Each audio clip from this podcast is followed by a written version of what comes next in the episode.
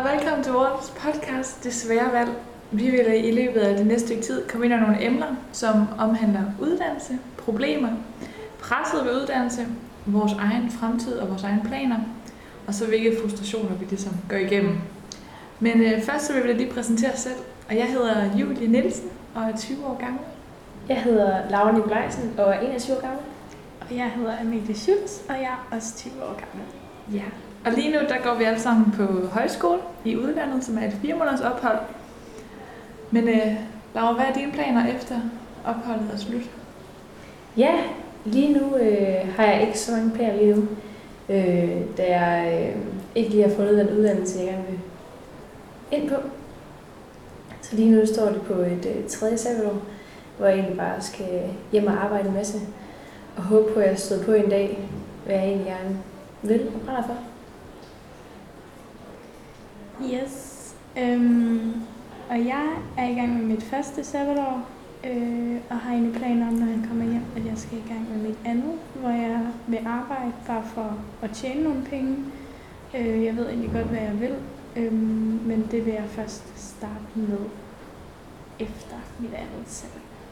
Og hvad er det, du gerne vil? Jeg vil gerne læse til sygeplejerske. Til sygeplejerske. Ja. Spændende. ja, jeg har heller ikke selv nogen idé om, hvad jeg gerne vil, men øh, jeg har i hvert fald et ønske om at rejse meget mere til forskellige destinationer, så forhåbentlig kan hjælpe mig med ligesom at finde ud af, hvad jeg skal læse videre hen. Men, øh, men Laura, hvilke udfordringer har du haft med at, at have de her sabbatår? Altså jeg har egentlig været sådan lidt, fordi jeg har været på en IB-uddannelse, hvilket er en international gymnasium. Øh, som normalt, når man tager en uddannelse, der læser man uddannet, men det er egentlig ikke noget, jeg har interesse for. Hvilket jeg så fandt ud af sådan midt i mit forløb, som jeg ikke kunne ændre på. Øh, så nu står jeg bare egentlig, og ikke rigtig kan finde min vej, ud fra alle de muligheder, man har på universitetet. Men hvordan er det at skulle i gang med sit tredje sabbatår? Jeg føler lidt presset, fordi at man ligesom normalt, det normale er at starte efter de to første år. Og at man simpelthen ikke har mulighed for at gange sit snit. Og det er ikke lige fordi, at mit snit er det højeste. Så man kunne ikke have brugt mange. Så jeg følte mig lidt presset, men det blev lidt bedre efter jeg kom på højskole og mødte nogle, der står i min båd. Ja. Synes du sådan, altså grunden til, at du ikke ved, hvad du vil, er det fordi, at du synes, der er for mange muligheder at vælge imellem, eller hvad grunden til det? Ja, altså jeg synes både, at der er rigtig mange muligheder, men så synes jeg også, at det tit er snittet for at komme ind på de uddannelser, der ligesom har mig tilbage, fordi jeg ikke har det, det højeste snit. Så der er også mange ting, jeg måske gerne vil, men ikke kan, fordi at min karakter ikke er til det. Så du føler, der er et pres fra Ja. snittets side? Lige præcis. Det ved jeg, der er mange, der har sådan. Har du Ja. også sådan, Julie? Ja, jeg er også meget udfordret af, at man ligesom ikke bare kan vælge, hvad man vil, men at man er lidt, lidt forhindret i forhold til, til de snit, man har. Men efter jeg ligesom har gået på højskole og har mødt både Laura og en masse andre, der er i gang sit tredje sabbatår, så har det gjort, at jeg prøver at tage det lidt mere stille og roligt og bare slappe af i det, selvom at det måske burde, at det bare burde komme i gang. Men jeg Så. føler også bare, det er fordi, at der er så mange, altså sådan, at man bliver meget presset til, at man skal bare i gang med det samme, men man ser jo egentlig flere og flere, som egentlig har valgt en forkert uddannelse til at starte med. Øh, min søster har lige uddannet sig til sygeplejerske, og der var en på hendes hold, som har skiftet uddannelse, eller hvad man siger, og hun var sådan, altså havde børn, og altså sådan rimelig gamle børn. Jeg gætter på, hun var op, jeg ved ikke, 40 eller 45 år, eller sådan et eller andet. Fordi hun ligesom havde fundet ud af, at hun har begyndt på noget, som hun egentlig ikke rigtig havde lyst til. Øhm, men det er jo lidt det der med, at man kun har det der ene valg. Altså, man føler sig lidt sådan forpligtet til, at nu skal du vælge det rette i første omgang. Jeg tror også, det er derfor, der er mange, der har det der, ja, hvad siger man, at det er sådan helt angstprovokerende at skal vælge én ting, man vil resten af sit liv. Ja, lige præcis. Det er også det, jeg har tænkt på i forhold til de realistiske muligheder. Det der med, det nødvendige ligesom at tænke over, hvorvidt der også er arbejdsmuligheder inden for det, det, den uddannelse, man så gerne vil. Mm. Så det er jo både uddannelsen, man skal vælge med omhu, men det er lige så meget det arbejde, der kommer videre hen. For man føler lidt, det er det ene valg, som du siger. Men hvorfor er det, at du ikke vælger at starte med det samme på din sygeplejerskeuddannelse? Det er i bund og grund, fordi at lige nu der bor jeg hjemme med min mor og far. Der kan jeg egentlig meget godt lide at være, men øh, at jeg har planer om, når det er, at jeg kommer hjem her fra højskolen, at øh, jeg har tænkt mig at flytte hjemmefra. Øh, og for at jeg ligesom har mulighederne for at kunne flytte hjemmefra, så skal jeg lige have nogle flere penge på kontoen, efter jeg har været hernede i Afrika og bruge en hel masse penge. Øh, så det er egentlig for, at jeg har penge til at bo ude, og for ligesom at kunne forsørge mig selv. Og så, ja, så føler jeg bare heller ikke, at jeg har lyst til at starte endnu, selvom jeg egentlig godt ved, hvad jeg er. Og så selvom jeg godt ved, at det er det, jeg vil. Men hvad gjorde, at du fandt ud af det? Er der nogle specielle ting?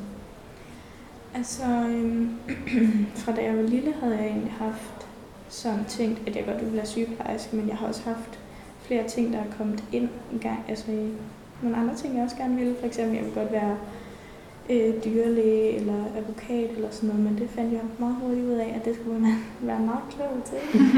øh, og det tænkte jeg, at det, det tror jeg ikke, at jeg ville kunne, selvom man igen kan sige, at det kan godt blive realistisk for en, hvis man begynder at læse op, hvilket der er mange, der gør. Øhm, men den vej havde jeg ikke rigtig lyst til at gå. Men øh, min mor er sygeplejerske, og jeg har hørt mange øh, fede historier og ting, som er sket på arbejdet, som jeg synes har været mega spændende. Og så synes jeg også, det er sindssygt spændende at se alle de der programmer, der er i tv. Noget. Det synes jeg er sindssygt spændende. Og jeg tror bare heller ikke, jeg er ikke så sart, når det kommer til alt det drabelige. Nej. Hvis man kan sige det. Ja.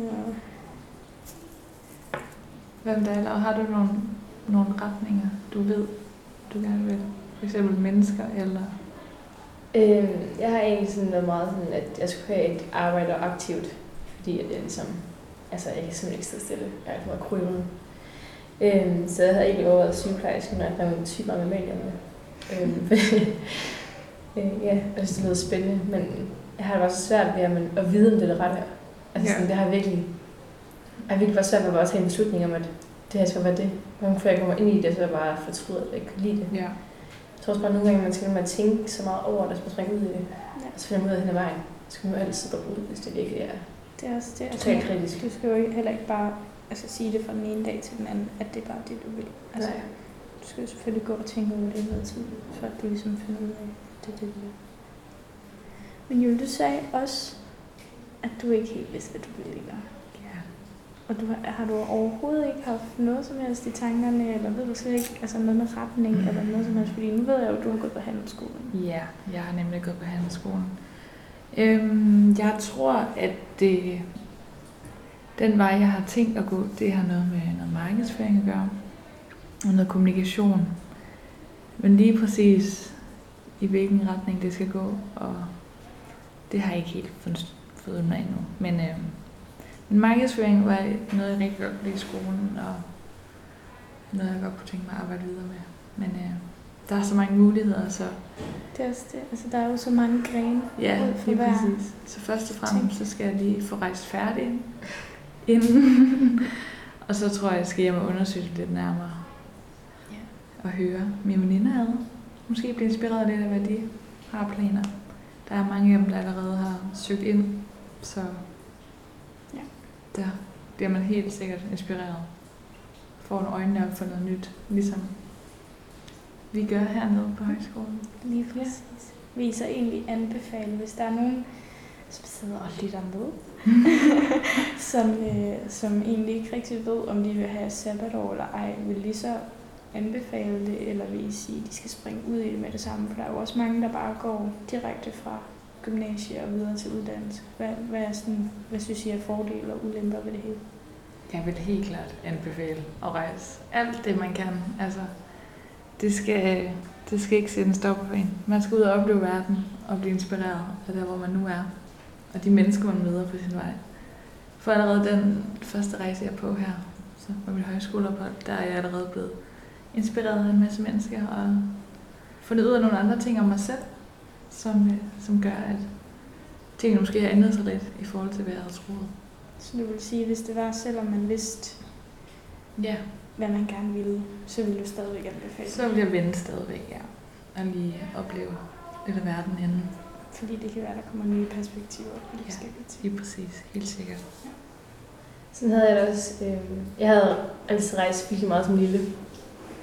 Og egentlig ikke ville bruge mit sabbatår på at bare rejse og ud og se en masse turistting. Så det egentlig derfor, jeg valgte øh, højskolen her i Afrika. Fordi det var sådan både en kombination af at komme ud og se verden, men også sådan at på højskole og sådan have forhåbninger om at kunne lære en til at kende og finde nogle nye perspektiver i sit liv og sådan noget.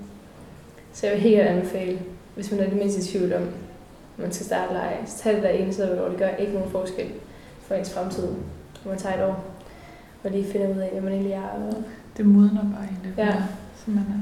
man lærer rigtig meget om sig selv og Ja. ens liv. Eller at man tager tre. ja. Der man tager tre, ligesom mig. Det er der heller ikke noget i Nej. overhovedet. Her til sidst har I så nogle, nogle råd, I vil give videre? Ikke udover, at man ikke skal presse sig selv. Selvom ens veninder måske er startet på uddannelse, så er man den eneste, der bliver tilbage. Så bare kigge af og kigge på, hvad man selv har brug for, i stedet for at måle sig hvad andre rundt om sig. Og helt klart følge mavefornemmelsen. Det der med, at man, altså, ja, at man ikke skal bare springe ud i noget, man overhovedet ikke har lyst til. Man skal føle sig klar og egentlig have lyst til det, fordi hvis der man ikke er klar, så er det heller ikke altså, fedt at hive sig selv op igennem uddannelse og så videre. Det tror jeg var det. Var hyggeligt, Pia. Tusind tak for i dag. Så jeg vil sige tak, fordi I lyttede med. Og Vi håber, I ses kunne bruge det. måske en anden gang. Ja, jeg håber selvfølgelig, I kan bruge det.